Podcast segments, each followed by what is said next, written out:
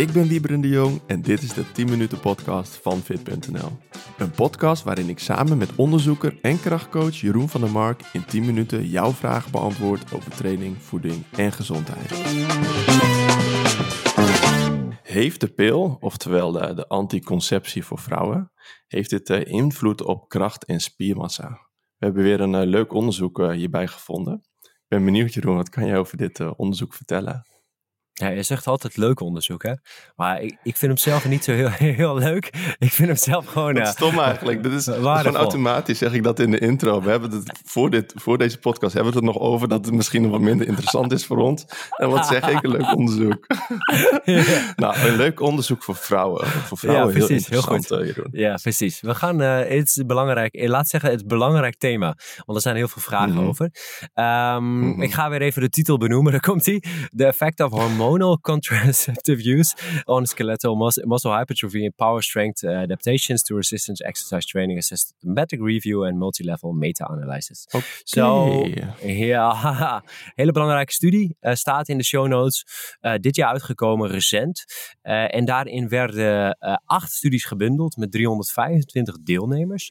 En die werden dan 12 weken gevolgd met krachttraining. En okay. daarin waren deelnemers die wel of niet uh, de pil slikken. Dus niet andere vormen van mm -hmm. uh, anticonceptie, dus alleen de pil, dus geen uh, bijvoorbeeld spiraaltje. En er werd gekeken van, hé, hey, hebben die, hebben die sporters die dan de pil slikken, hebben die dan minder spierkracht, hebben die minder spiermassa, hebben die minder power. En ik ga gewoon alvast gelijk al het resultaat uh, presenteren. Er was geen significant Prima. verschil tussen mensen die in die 12 weken trainingsperiode, waarin dus acht, weken, acht studies werden gebundeld, was er geen significant verschil tussen het gebruik okay. van de pil of niet. En dat gaat een beetje tegen de lijn van verwachting in. Ik zie dat jij een aantal leuke ja. vragen hebt beantwoord, maar ik ga ze gewoon al stiekem al beantwoorden. Nee, uh, jij, jij hebt ze beantwoord. Ik heb ze gesteld inderdaad. En de, een van die ja. vragen was ook, en ik weet niet of je die wou, wou beantwoorden, is, mm. want ik heb wel eens gehoord dat de pil zorgt voor lagere testosteronlevels. Ja. En is dit iets wat ze naar hebben gekeken ook? En, of is dit helemaal mm -hmm. niet waar? Ik snap wel dat het zo kan zijn als je kijkt naar hormoonhuishouding bij vrouwen. Ik heb er echt bar weinig verstand van, maar mm -hmm. dit heb ik wel eens gehoord. Ja, ze, uh, de, de hypothese die, die, die in, de, in de wetenschappelijke wereld tot een paar jaar geleden uh, ja, dominant was of die afgevraagd werd, was, was of uh, oestrogeen en progesteron lager was bij uh, mensen die de pil slikten en daardoor mogelijk mm -hmm. um, uh, minder goede spiereiwitsynthese hadden en dat het ook een invloed had bijvoorbeeld kracht. Maar dat bleek dus niet. Maar dat zagen ze dus wel bij ratten. En het kan zijn omdat het te veel toegediend werd. Het kan zijn omdat ratten anders werken.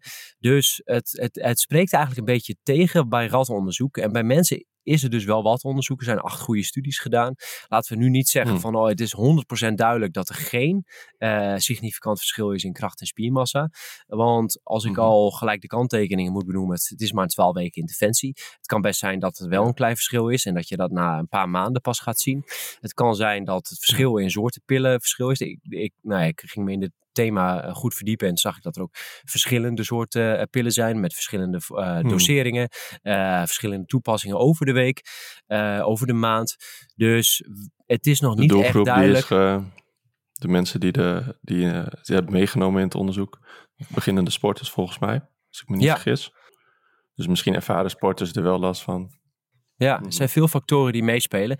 Dus laten we zeggen, dit eerste verkennende onderzoek lijkt aan te geven dat er niet echt een duidelijk uh, verschil is. Um, en dat is ook wel een ander uh, thema wat ook recent voorbij kwam. Hebben ze gekeken naar wat is de invloed van uh, de menstruele cyclus. En dan wordt soms wel eens gedacht dat nou, aan het begin bijvoorbeeld dat je dan wat, wat sterker bent. Aan het einde van de cyclus dat je dan bijvoorbeeld wat slechter herstelt. Of rond, rond ja. bijvoorbeeld... Um, de menstruatie. En uh, daar ja. hebben dus onderzoekers ook naar gekeken en dan naar kracht, uh, krachtinspanning. En in die studie die ook recent uitkwam, ook een meta-analyse en bundeling van studies, bleek ook geen effect um, gezien uh, te worden. Dus het is wel heel boeiend. Er zijn heel veel gedachten over dit thema. Maar als je dan echt strikt naar de huidige data gaat kijken, naar de gemiddelde, want dat wil ik ook nog even zeggen, dit zijn dan gemiddelde, maar het kan best zijn dat sommige individuen dus wel uh, mogelijk wel last hebben van de pil, of uh, dat sommige mensen uitschieten zijn van de normaalverdeling en wel ja. bijvoorbeeld tijdens de in beginfase of eindfase heel anders presteren tijdens een menstruele cyclus. Dus grote individuele verschillen zijn mogelijk, zijn wel aanwezig. Ja, dat is dat stukje waar ik ook nog mijn vragen bij had. Maar goed, heb je al beantwoord. Dat als mensen, als een vrouw één keer in de week inderdaad gewoon uh, ongesteld is en die week daar echt last van heeft, dat je gewoon Eén minder volume kan draaien. Nee, ja, sorry, zo, dat zou heel veel, heel veel zijn. Een week in de maand, om het zo te zeggen. En mhm. stel je bent wel aan de pil en je kan dat timen en je bent, uh, ik weet niet hoe vaak vrouwen dan ongesteld zijn, maar je kan het uitstellen of dat je langer niet ongesteld bent. Dat je dan mhm. ook meer volume kan draaien in de gym, waardoor je meer, meer spiermassa en kracht kan opbouwen. Ja, en hebben ze dat onderzocht? Ja, volgens mij kan je dat pas onderzoeken als je een half jaar iemand volgt. Want dan kun je meerdere maanden kun je zien wat, dat, uh, wat voor een effect dat heeft. Ja, ja, je zou daar eventueel wat mee kunnen spelen. Ik heb dat ook wel gehoord bij topsporters dat daar wel wat mee wordt gespeeld. Dus um, ja, dat, dat zijn wel trucjes die je zou kunnen toepassen. Ik heb ook wel eens gehoord, maar volgens mij is het zelfs een feit, um, dat mensen of vrouwen dan uh, aankomen wanneer ze stoppen met mm. de pil. Zonder dat ze daadwerkelijk hun voedingspatroon daarop uh, aanpassen. Is dit ook nog uh, onderzocht? Is dit meegenomen in het onderzoek? Ja, ik, trouwens, er komt ook nog een thema, maar dat wil ik straks even met jou aan het einde bespreken. Dat eigenlijk alleen maar een vrouwenpil is. En dat, dat volgens mij bezig zijn met een mannenpil. Maar dat is een ander thema. We zeggen mensen, vrouwen. Dat, dat, is nog, daar wil ik nog even kort over hebben. Dat vind ik ook een belangrijke. Ja, dat is, uh, maar ik, ik heb nog even in de literatuur gekeken naar uh, afvallen, uh, gewichtsaankomst. Er zijn wel wat, bijvoorbeeld dingen als acne, misschien bepaalde hoofdpijn als je vooral begint met de pil. En niet iedereen reageert er ook hetzelfde op. maar als je kijkt naar de bundeling van studies, wordt er wel gezegd dat gewichtstoename met de pil mogelijk iets kan door uh, extra vocht. Uh, maar wat de onderzoekers dan zeggen, is, dat is dan de brede consensus, is dat vooral de stijging van leeftijd, dus het ouder worden, met name een reden is voor gewichtstoename en niet per se uh, de pil. Dus als je mogelijk een vrouw elk jaar of elk 300 gram zwaarder wordt, wat je toch wel ziet, mensen worden steeds zwaarder over de mhm. tijd, um, individuen, dat dat mogelijk meer de reden is dan per se de pil. Maar dat wil, kan niet uitsluiten, want ook weer individuele verschillen. Sommige mensen uh, nemen misschien iets meer vocht op um, en dat bindt zich uh, die, die hormonen weer aan water. Dus ja, dat kan zijn. Ja. ja, wat gebeurt er dan toch eigenlijk wel veel misschien ook wel veel waar we nog niet van af weten. Ik weet er sowieso niet heel veel van af. In het lichaam van de vrouw, wanneer ze aan de pil is of juist niet aan de pil is. En dan komen we inderdaad tot dat punt. Volgens mij, ik heb dat ook gehoord over een mannenpil. Mm dat dat, ik weet niet of dat al in omloop is of dat al op de markt is, maar dat ze dat ook aan het onderzoeken zijn. Ja, ik ben benieuwd wat jij hiervan vindt. Zou jij, zou jij dat nemen? Uh, Oeh, dat is een hele lastige. Want ik, ik hoor steeds meer vrouwen die eigenlijk niet de pil willen gebruiken. omdat ze liever geen hormonen in hun lichaam willen. En als je dan kijkt naar ja. uh, advies van een huisarts en zo. Kijk, de gezondheidsrisico's. Het wordt gewoon voorgeschreven. Dus het, volgens mij is het wel gewoon relatief veilig. Dus met die gedachte zou ik het zelf ook wel kunnen gebruiken. Maar toch blijft er altijd iets achter in mijn hoofd. Van ja, het is onnatuurlijk. En je wilt niet iets onnatuurlijks in mijn lichaam. Dus ik heb altijd wel begrip voor vrouwen die dat, die dat zeggen. Maar uh, de evidence die eromheen zit is, is vrij sumier. Om, je kunt het niet echt onderbouwen.